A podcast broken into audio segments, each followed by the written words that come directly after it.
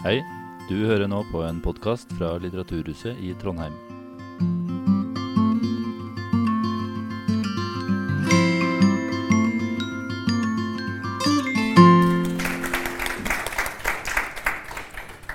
Tusen takk for det, og velkommen til denne samtalen om naturvitenskapelig formidling. Eh, litt bare et par småting først. Som noen av dere sikkert har sett i det skriftlige programmet, så står det ikke at Anne skulle være her nå, men det skal hun altså. Lone Frank er i Danmark og kan av naturlige grunner ikke være her i dag. Eh, og så vil jeg bare sånn for the record si at det har vært litt navnekluss i programmet. Jeg heter ikke Andreas til eh, mellomnavn. Eh, bare Jeg jobber i faktisk.no, så det er viktig at liksom, the record er korrekt. Eh, det var det jeg hadde å si om det. Så, men takk for at dere ville komme i dag. Vi skal snakke om naturvitenskapelig formidling og formidling av forskning mer generelt. Og det er jo noe dere begge to har mye erfaring med. Du har jo til og med Anne, en T-skjorte som forteller at du formidler ganske mye. Yep. Og spørsmålet vi på en måte skal prøve å sirkle inn her i dag, det er hva som egentlig utgjør god formidling av vitenskap. For formidling av vitenskap kan være så mangt. Det kan være tabloide overskrifter om at kaffe gir deg kreft. Og det kan være store bøker om hvordan forskjellige dyrearter bidrar til at eh, mennesker kan leve som de gjør. Så jeg tenkte bare skulle stille dere det store spørsmålet med en gang. Hva er de viktigste kjennetegnene ved god formidling? Ja, skal jeg begynne? Kjør på. Um, de viktigste kjennetegnene ved god formidling um, av naturvitenskapelig forskning Jeg tenker Det må jo ha noe å gjøre med å klare å formidle en uh, kompleksitet i et sakfelt på en måte som er uh, enkel nok til at uh, mottakeren forstår det, men samtidig ikke så enkel at det blir fordummende. Uh, for det er på en måte fallgrøfta på den andre siden. Da. At, bli, at man kan overdrive den veien. Um, og da tenker jeg at det å få formidlet sånn at folk forstår hva det betyr for dem, er ofte et poeng. Altså det å bruke historier til å, å si 'what's in it for me', eller rettere sagt 'what's in it for you' som mottaker. Um, hva har dette å si kanskje for din hverdag, for ditt liv, på et eller annet vis? Det tror jeg ofte kan være med på å gjøre formidlingen god. fordi god formidling handler jo om at du har en avsender som har noe hun eller han har lyst til å si, og så skal det jo helst komme fram i mottakerenden og bli forstått eh, på rett måte. Så det er iallfall noen momenter, da. Har du, altså Vi snakker jo om historier og liksom noe som gjør at folk forstår hva, som, hva dette betyr for dem. Har du noen eksempler på, på det? Altså et godt eksempel på formidling som har fungert på den måten? Og du kan gjerne ta fra ditt eget uh, arbeid hvis du vil det. Ja, altså Jeg vet ikke. Det, et eksempel som jeg bruker i, i, den siste boka mi, er jo en, uh, hvor jeg forteller om naturgoder, er jo et eksempel der jeg snakker om hvorfor det er viktig med vegetasjon i byene våre. Altså, nå var det jo fantastisk flott vær i Trondheim i dag, men hvis det hadde pøst ned, så hadde vi jo sett at regnet gjerne hadde rent på overflaten der vi har lagd tette overflater. Asfalt og betong og sånn. Um, og hvis vi isteden hadde hatt uh, grønne blomsterenger og trær, så ville mye mer av det ha blitt liksom, sugd opp av vegetasjonen og ledet ned i jorda. Og for å, for å, formidle det bildet så starter jeg det kapittelet i boka med en fortelling fra Ayers Rock, eller Uluru. Den røde sandsteinsformasjonen som ligger midt ute i ørkenen i Australia, som dere helt sikkert har sett på bilder. Uh, hvor turistene flokker til for å ta bilder i solnedgangen. For den skifter farge. Liksom rødfargen endrer seg ettersom sola liksom, endrer vinkel. Uh, men når jeg var der for 25 år siden, da kom det et styrteregn uten like. Og det er jo ikke hverdagskost i ørkenen. Uh, så jeg var jo på en måte litt heldig. Og da tok det altså bare sekunder fra det begynte å regne, til det regnet hadde liksom samlet seg i små bekker, større bekker, elver, og bare rant og sprutet ned fra det fjellet på alle kanter. Nettopp fordi at den overflaten var helt bar. Der er det altså ingen vegetasjon. Det er jo ikke jord engang. Og det er jo et eksempel på å bruke mm, vidt både meg sjøl og en, en, opplevelse jeg har hatt, da, og et bilde. Um, på å illustrere det poenget med at uh, vegetasjon er smart i byen vår fordi det fanger opp regnvann. Så hvis alt var bart, så ville alle vært veldig våte? Er det kanskje ja. litt av Ja, altså hvis, uh, hvis, det ikke var noe vegetasjon uh, over oss i det hele tatt, så ville det vært mye vann overalt som hadde rent på Altså hvis byen var dekt med asfalt og betong og det ikke var noen trær over oss heller, så hadde det vært veldig altså Det hadde ikke vært bra verken for byen og infrastrukturen eller for den elva som det vannet ender opp i til slutt. da. Rune, du har jo jobbet med formidling på litt andre flater kanskje også, bl.a. i mange år i NRK. og Du jobber jo med ILU, Institutt for lærerutdanning, i dag. Har du noen andre tanker om liksom hva god formidling er? Innen jeg tenker jo først og fremst at eh, god formidling er jo det hele tatt formidling som skjer. da, sant? For det er jo veldig mange andre eh, som kanskje sitter med samme kunnskapen som eh, Anne. Sant? Men det er jo ikke alle som, har faktisk, som formidler den kunnskapen da, ut til folk. Så jeg tenker at det er iallfall det den, det beste forsk forskningsformidlinga er jo den som faktisk eh, skjer. da. Eh, og at folk liksom tar seg bryet med å faktisk fortelle eh, de tinga som de kan noe om, og som de har kunnskap om, som vi andre eh, faktisk eh, kan ha nytte av. da. Så det er jo òg det er jo kjempebra at, uh, at, forskere faktisk gjør det. Og det tenker må, Vi må jo ha mål av oss, det òg. Altså, der som jeg jobber, jobber jo vi med f.eks. altså, finne ut av hva som er god utdanning. Hvordan skal naturfag eh, Eh, hvordan skal vi lære det bort? Sant? Og Det jeg, det er jo flott at mange forskere sitter og, og kan masse om det, men selvfølgelig må en jo ha mål på seg til å formidle det da, f.eks. til lærere eller til politikere sant, om hvordan skal det her Vi må jo ha mål av oss at det faktisk kommer ut til deg som da eh, skal gjøre noe med det. da, Som, eh, som man og da kan da fortelle både politikere og oss vanlige folk hvorfor er det viktig faktisk at vi, at vi eh, altså både at vi må bli bli glad i den fantastiske naturen og de utrolige insekter og de tjenestene de gjør for oss, da, men at vi òg får forståelsen av hvor, komplekst det her er, og at det henger sammen. Da. Så vi har, jo, vi har jo bruk for det. Så den formidlinga må jo skje. Eh, men jo, der ligger det jo en del i forskningspolitikk, eller i universitetspolitikken, da, at, det, at det er nødvendigvis så verdsatt av den formidlinga. Så jeg skjønner jo at mange prioriterer det bort, og, og heller prioriterer det som, som blir eh, verdsatt, og det er jo da publisering i vitenskapelige artikler. Og det er jo selvfølgelig viktig, det òg. Men den må jo komme ut til folket, tenker jeg. Den kunnskapen. Mm. Du sier at dere jobber med hvordan man skal formidle denne kunnskapen til lærere og andre typer aktører som ikke nødvendigvis har en, en tung vitenskapelig bakgrunn. Uh, det er jo mange komplekse sammenhenger der innenfor alt fra liksom, klima til det vi nå ser med pandemien og sånn. Har dere funnet noen gode grep for å formidle ting bedre?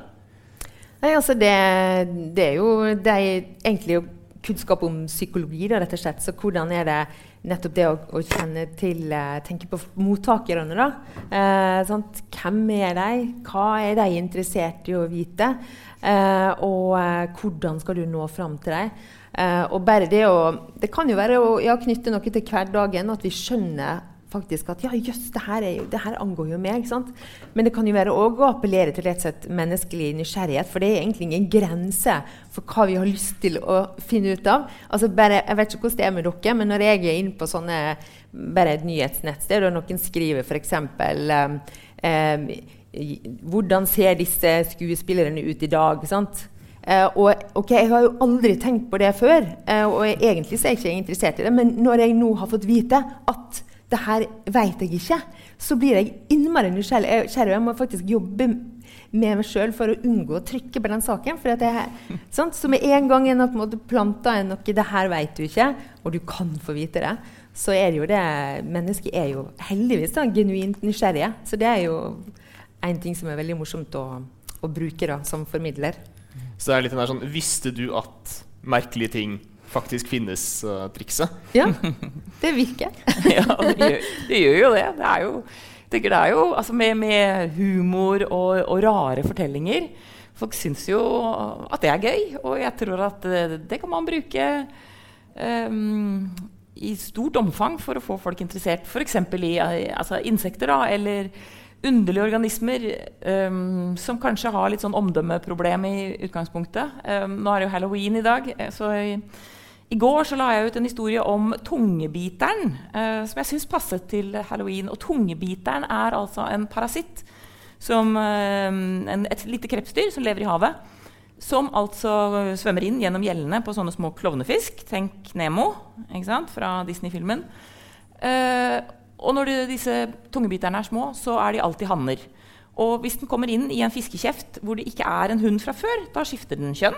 Bare det er jo ganske handy i seg selv. At du liksom, ok, du kommer inn i et lokale, det er ingen damer der. Nei, da bare blir du dame. Uh, og så biter den seg altså fast i tunga til stakkars Nemo. Og suger blodet ut av den tunga, så den visner og ramler av. Men har, her har liksom tungebiteren svaret, da, for da bare fester den seg med klørne sine der hvor tungen satt. Og så sitter den altså fast og blir fiskens Dette her er ikke tull, altså. Den blir fiskens nye tunge. Så når Nemo-fisken åpner opp gapet Hvis den hadde sett seg i speilet en halloween-morgen, så hadde den altså sett to øyne stirre tilbake på den fra speilet, midt på tunga inni gapet. Og sånne historier er liksom crazy og sprø, men de kan jo brukes eh, til å både formidle hvor mye rart det er i verden, og til å på en måte snakke om et tema som parasitter, da, som jo er uh, et litt krevende tema å formidle. Det er jo massevis av parasitter i verden, og ingen av oss liker liksom, hjortelusflua eller uh, for den saks skyld myggen eh, som suger blodet vårt. eller veggedyr. ikke sant? Vi liker jo ikke disse parasittene. Men man kan på en måte bruke ja, rare og morsomme fortellinger som en inngangsport og snakke litt om hva det er, og kanskje liksom komme inn på hvorfor, hva slags funksjon har de i naturen, og, og hvorfor er det kanskje faktisk bra at de er der. Fordi, og, og selv om ikke de liksom er så tiltalende sett fra vårt perspektiv, så, så, er jo ikke naturen lagd for å være snill og nusselig. Um, det kan man også bruke en sånn historie som et utgangspunkt for å fortelle om. Ja, så den Historien fungerte i hvert fall ganske bra på meg. fordi det, Nå sitter jeg bare og lurer på om den her tungebitertunga som klovnefisken får, om den faktisk også, ikke bare som sitter der hvor tunga pleide å være, men om den også fungerer som den samme tunga? Ja, den gjør sånn noenlunde det. Men det er klart, den kan jo ikke smake og lukte med, med, med, den. da. Men den har sånn rent fysisk så, så har den jo den liksom, samme funksjonen. Det er ganske sprøtt altså, at, uh, at det her går an. Ja, det, jeg håper ikke det fins en versjon av tungebiteren som angriper mennesker. Nei, det, det, det, det gjør det ikke. Vi får nøye oss med veggedyr og hjortelusflua og myggen. Ja. Det er for så vidt betryggende, det, da. Ja. I forhold til tungebiteren så blir det bare småtteri. Det gjør det. Kunne vært fint utgangspunkt for en halloween-film, da. Med en menneskelig versjon. ja. ja, det er litt sånn alien i klovnefiskens uh, variant. Jeg tror Hvis du går liksom, på den der filmdatabasen og ser på de som har fått en tre av ti stjerner, og sånn blant skrekkfilmer, så er det altså garantert en film om dette allerede. som bare fins i Japan eller et eller annet. Men eh, om, vi har jo snakket på en måte om hva slags form god formidling har, som gjør at det faktisk når ut til folk og vekker nysgjerrighet. og sånn, Men mye av formidlingen handler jo også om hvordan innholdet blir fremstilt. Altså det vitenskapelige innholdet, forskningsfunnene og, og, og, den typen ting. Eh, og det kan vel også være bra og dårlig. Og det er, kanskje, det er også en diskusjon som er interessant her. tenker jeg. Hva er det som gjør at for formidling av et naturvitenskapelig funn er god, og hva er det eventuelt som gjør at det er dårlig? Har du noe dere om det? Ja, eh, det, det er store spørsmål her. Altså, det er jo eh, selvfølgelig mange eksempler på dårlig, og jeg har sikkert gjort det sjøl eh, når jeg jobber som vitenskapsjournalist. Jeg, jeg kjente liksom den der skammen når du sa sånn der 'kaffe hjelper mot kreft' og sånn, for jeg tror kanskje jeg har noen sånne overskrifter. Altså.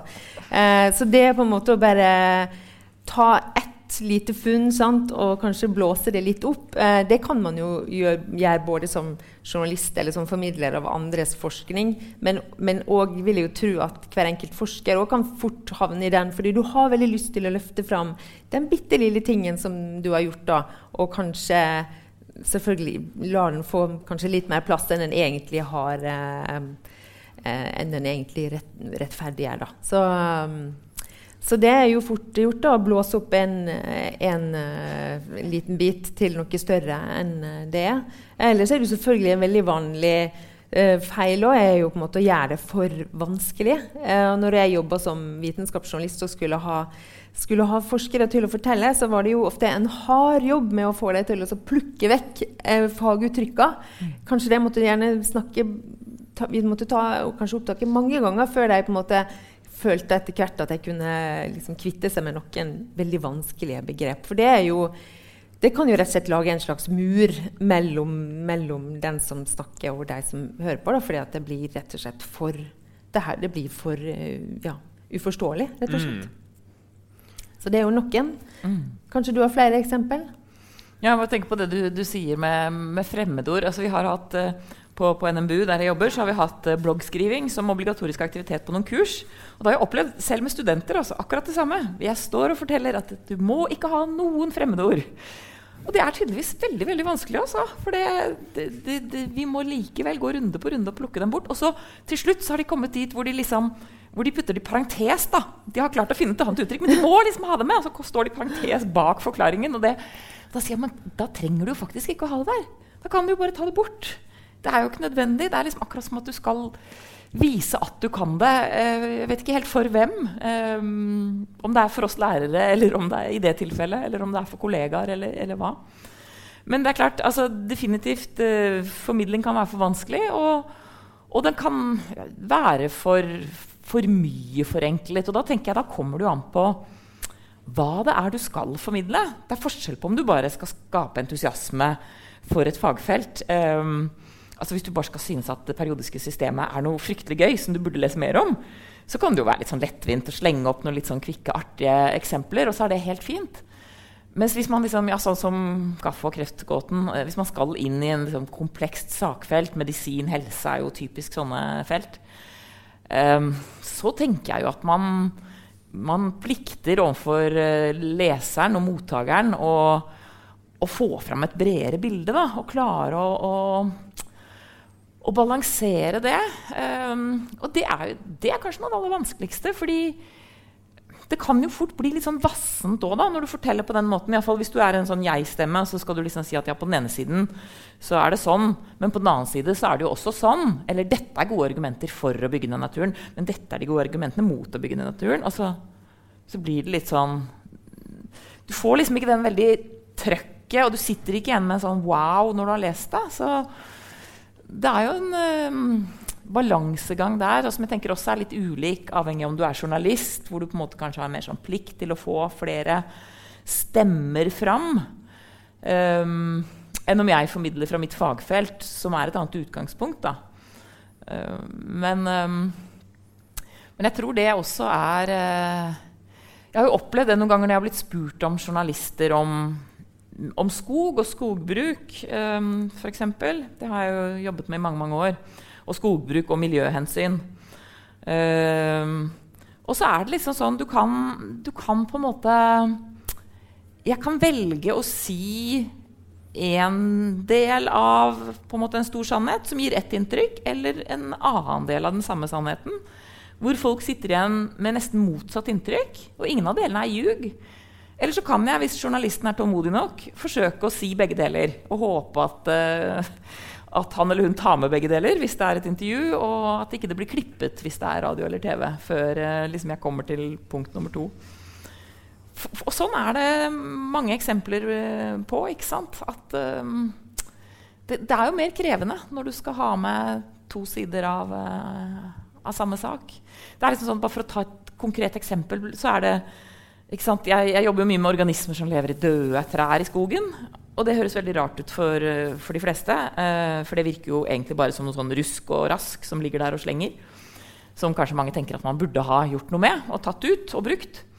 Um, og da er det sånn at uh, hvis du liksom snakker om at trær står og råtner på rot, uh, så høres det helt forferdelig trist og stusslig ut. At det er det de gjør. Det høres ikke bra ut i det hele tatt. Men hvis jeg liksom isteden sier at uh, disse døde trærne er et fantastisk viktig livsmiljø for en tredjedel av alle artene som lever i norsk skog, så høres det jo plutselig helt annerledes ut. Um, og så kan du begynne å snakke om ja, dette i mer detalj, og da, da er det liksom det å klare å få mottakeren med langt nok inn i den historien til at du ikke mister vedkommende, men likevel at den som leser eller hører, skal sitte igjen med noe mer kunnskap da, enn før de begynte å, å lytte eller lese. Det er veldig interessant det du sier om altså, ting som er sånn, på den ene og på den andre siden. Altså, sånn typisk sånn som journalister hater. Altså, det, er, det, blir veldig kjedelig, med mindre du har noen kilder som er sinte på hverandre på, fordi de er på ja- og nei-siden.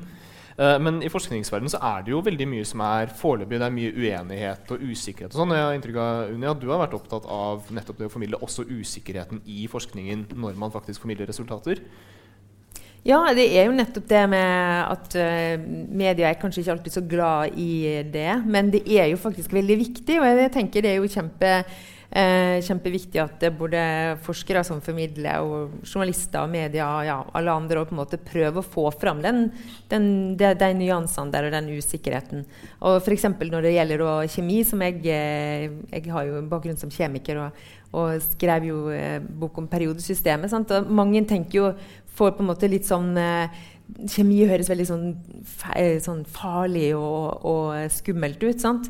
Eh, så på den ene sida er det jo viktig å få fram historier som viser at det, altså kjemi er jo bare Vi er jo alle sammen bygd av kjemiske stoffer. Det finnes jo overalt rundt oss, og de har en sant, betydning og relevans for, for våre liv.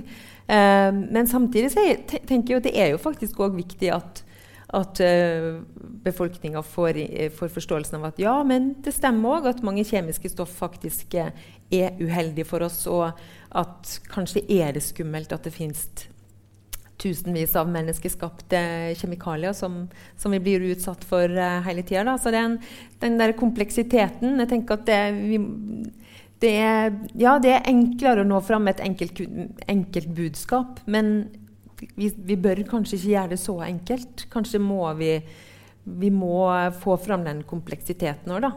Det, mm. det, tenker jeg det, det, er vanskelig. Ja, og så er det jo det at det er jo faktisk altså, Måten forskning funker på, er jo på en måte gjennom systematisert uenighet. Det er jo liksom forskningens grunnpremiss at man hele tiden skal prøve å tilbakevise det som er liksom det rådende, den rådende sannheten, det rådende liksom paradigmet.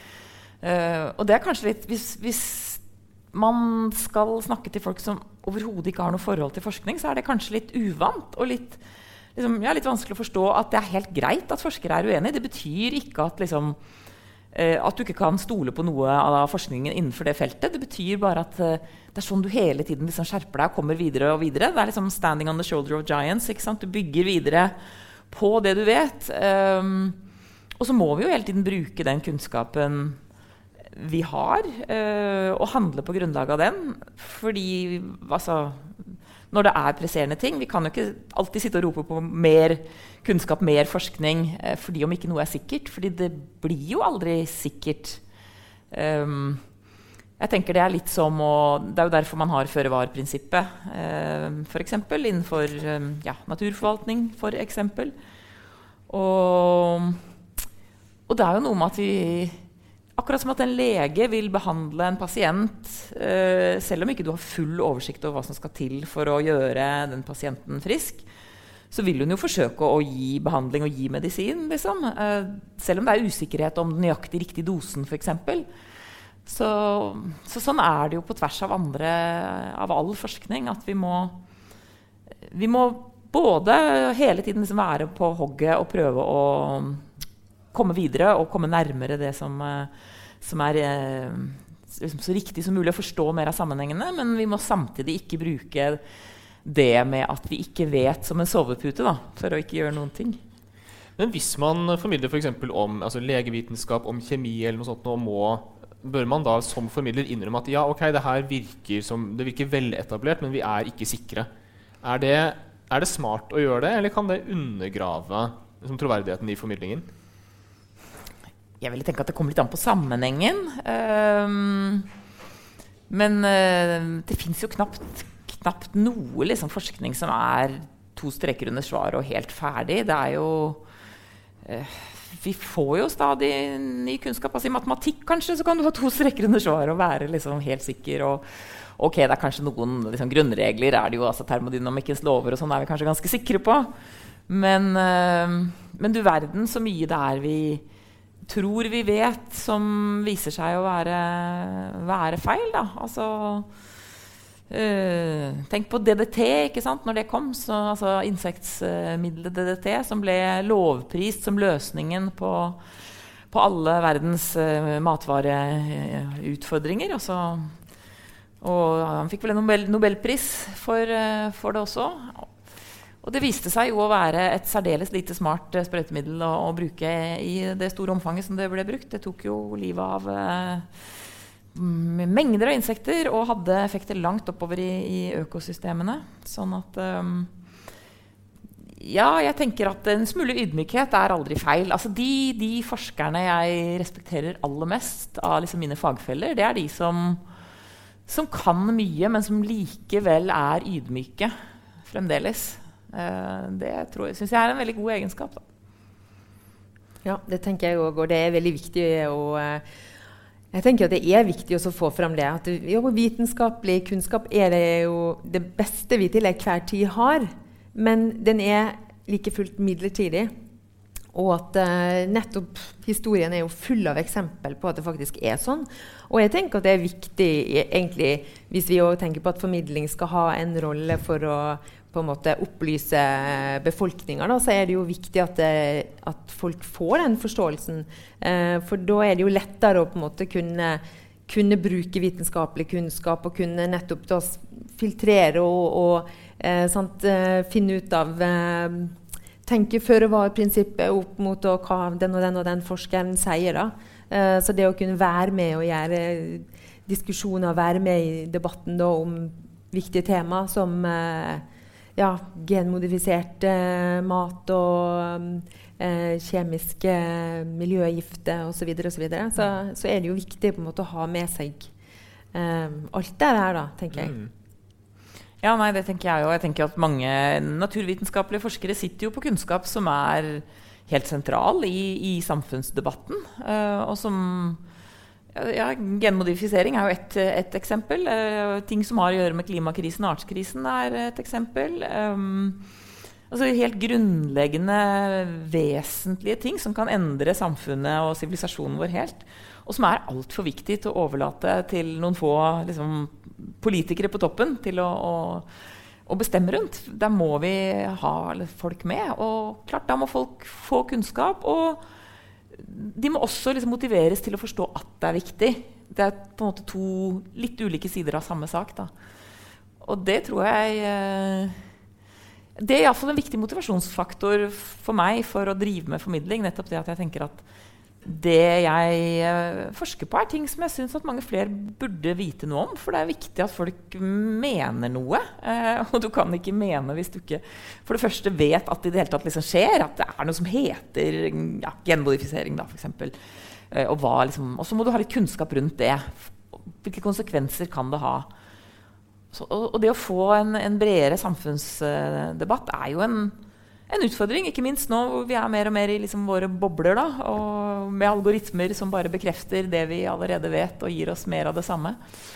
Så tenker jeg det er jo mer behov enn noensinne for uh, ja, litt sånn objektiv som mulig informasjon utenifra. Da. Mm.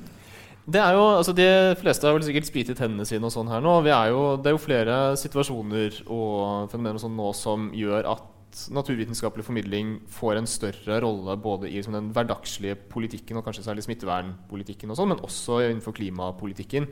Uh, og det her er jo situasjoner som oppfattes som av ganske naturlige grunner som kritiske av de aller fleste. Uh, stiller det andre Jeg vet at dere ikke er epidemiologer eller klimaforskere, men denne typen med sånn krise, akutte krisesituasjoner som krever noe av folk som driver med naturvitenskap, og sånne ting, det, stiller det andre krav til formidling enn som å skrive bøker og være på NRK på Newton f.eks. Altså i en mer vanlig situasjon. Så jeg tenker at En må i hvert fall ta eh, hensyn til at i en krisesituasjon så er jo folk eh, ja, folk blir jo òg i kriseberedskap. på en måte, og Det er jo gjort masse eksperiment som viser for at når folk føler seg stressa eller, eller redd, eller, sånt, så, så eh, gjør de helt andre, så ser de annerledes på ting òg, da. Uh, de bedømmer gjerne ting mer negativt og, og tenker mer på uh, sikkerhet og, og, sånt. Da. Så det må en jo da, nettopp hvis en er opptatt av måte, å nå fram til mottakeren, så må du jo tenke på de tinga der, da. Um, men jeg synes det, har vært, det har jo vært egentlig fascinerende å se under denne koronaepidemien da, hvor, hvor uh, altså absolutt alle plutselig ble veldig interessert i naturvitenskap. Altså det er jo egentlig fascinerende hvor mye en har diskutert eh, ja, hvordan smitter viruset, og hvordan skal, ja, hva er det som hjelper sånne vaske, vasking og Det er jo, um, så det har, vært, det har jo vært en situasjon der jeg tenker mange forskere må jo ha satt der og vært veldig glad for at jøss, plutselig er det så mange som er interessert i mitt mm. fagfelt. Så det har jo gitt et voldsomt sånt, uh, kunnskapsbehov, da. Det, det, tror jeg absolutt. Så da må en jo ut med, med det her. Mm.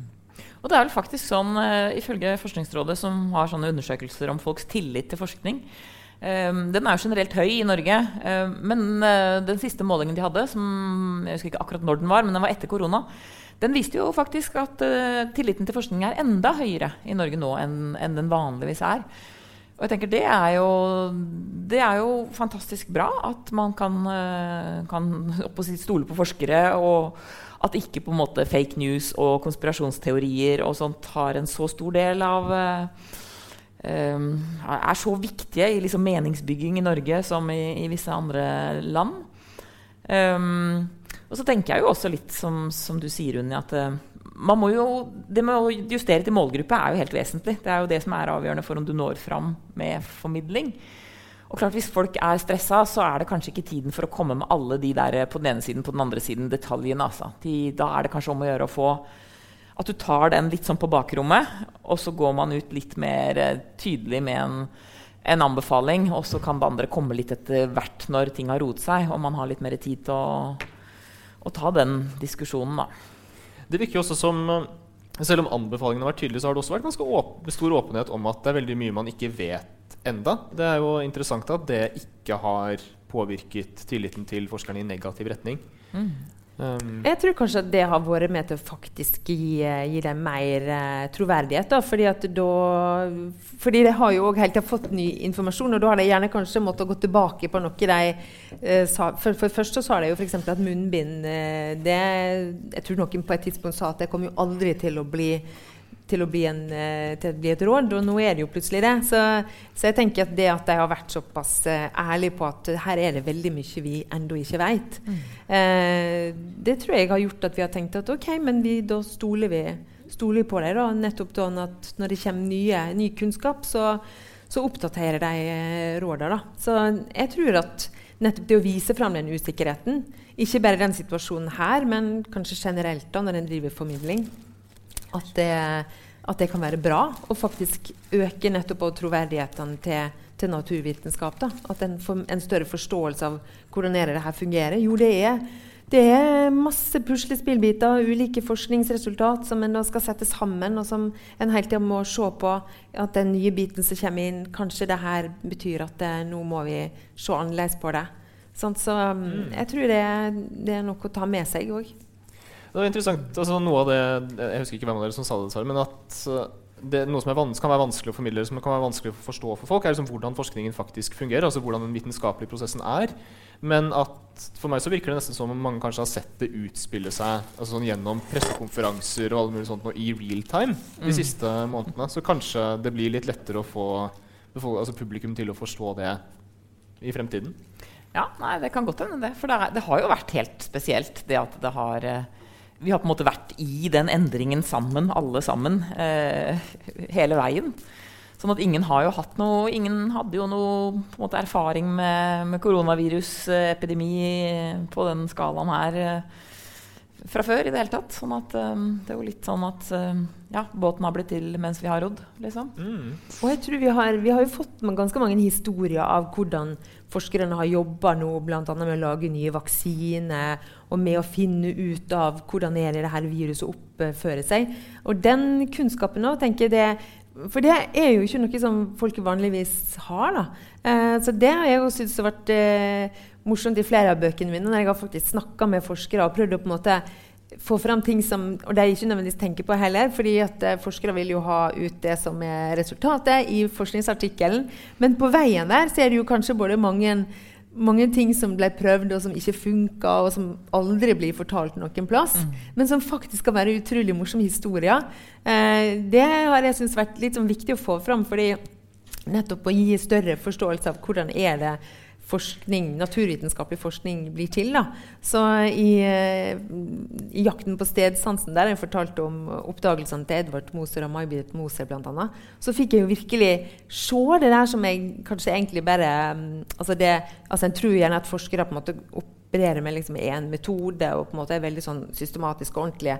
Eh, og, og, det er det jo selvfølgelig òg, men jeg tenker at det, alt den kreativiteten og fantasien og morsomme ting som blir prøvd ut. Eh, som å bruke vannfast maskara på, på male og på, på, hodene på hvite rotter for å klare å se dem når de svømmer i et sånt hvitt, ugjennomsiktig bad. Altså det å ta i bruk det man har, da, fiskestang eller eh, sy små drakter til rottene, som jeg oppdaga at disse her verdenslederne og forskerne har holdt på med. da. Eh, de historiene sant, de blir, kommer jo selvfølgelig aldri i noen forskningsartikkel. Eh, men det gir et litt mer større og mer nyansert bilde av hvordan er det forskning foregår. Da. Og det, det, tenker jeg er noe som vi òg trenger å få fram. Eh, at forskere gjerne kan ja, kanskje by litt på seg sjøl. Kanskje de egentlig ikke har lyst til å fortelle disse historiene heller. Da. Men i fall, jeg tenker det er litt viktig å få fram at eh, forskning er jo en menneskelig prosess, det òg. Sånn som alt annet. Og det hjelper kanskje for folk flest å vite eh, når de skal ta stilling til hvordan skal jeg bruke denne forskninga i mitt liv, eller til å skal vi bygge ned den myra, eller sant? At de, Når de har innsikt i de prosessene, så har de òg større grunnlag til å skjønne hvordan man skal, man skal bruke den kunnskapen. da. Er det vanskelig å få forskere til å liksom by på de her historiene? og sånn? Jeg husker Da jeg gikk på doktorgradsstudiet selv, så var det en eh, jeg gikk sammen med som sa at liksom, det ideelle paperet var skrevet på en måte som ikke kunne skilles, hvor man ikke kunne se om det var menneske, et menneske eller en robot som hadde gjort det. Uh, som er kanskje i det helt motsatte enden. Jeg vet ikke hvor vanlig det er. Uh, ja, nei, det er jo iallfall disse her eh, artiklene som blir publisert av Edvard Moser og May-Britt Moser, er jo, det er jo i, i, Nature og Science, og det har jo, det har jo utrolig kort plass. det er jo, det er jo veldig effektivt språk. Mm. Så, så eh, bak sånne artikler ligger det jo, eh, ligger det jo veldig mye mer dramatikk og kreativitet og, og, morsomme ting enn det som kanskje kommer fram i forskningsartikler. Og sånn går ut fra at det er i dine forskningsartikler òg at det ikke er like spennende å lese kanskje som, som uh, bøkene dine. da. Nei, Det er jo et gitt format som, skal, uh, som, de skal skrives i. Og det er klart der er det ikke rom for, uh, for utenomprat. Men, men jeg tror jo at det at det er viktig av en grunn til også å skrive om det i andre sammenhenger. Da, og det er jo for rekruttering, eh, rett og slett. Altså for at unge folk skal se at eh, det er faktisk ganske gøy å være forsker. Eh, og det er jo veldig mye av det å være forsker er jo å være nysgjerrig eh, og lure på ting og stille spørsmål. Um, når jeg snakker til unger, så pleier jeg ofte å liksom, ta den inngangsporten jeg skal forklare hva jeg driver med. At jeg, liksom, jeg er kjempeheldig. Jeg får lure på ting hele dagen på jobb. Jeg stiller masse spørsmål, og så må jeg av og til prøve å finne ut av det òg. Og det er jo ikke alltid jeg klarer. Men først og fremst så er det jo liksom det å stille spørsmål og, og liksom sitte i en forskergruppe hvor du stiller spørsmål sammen. da.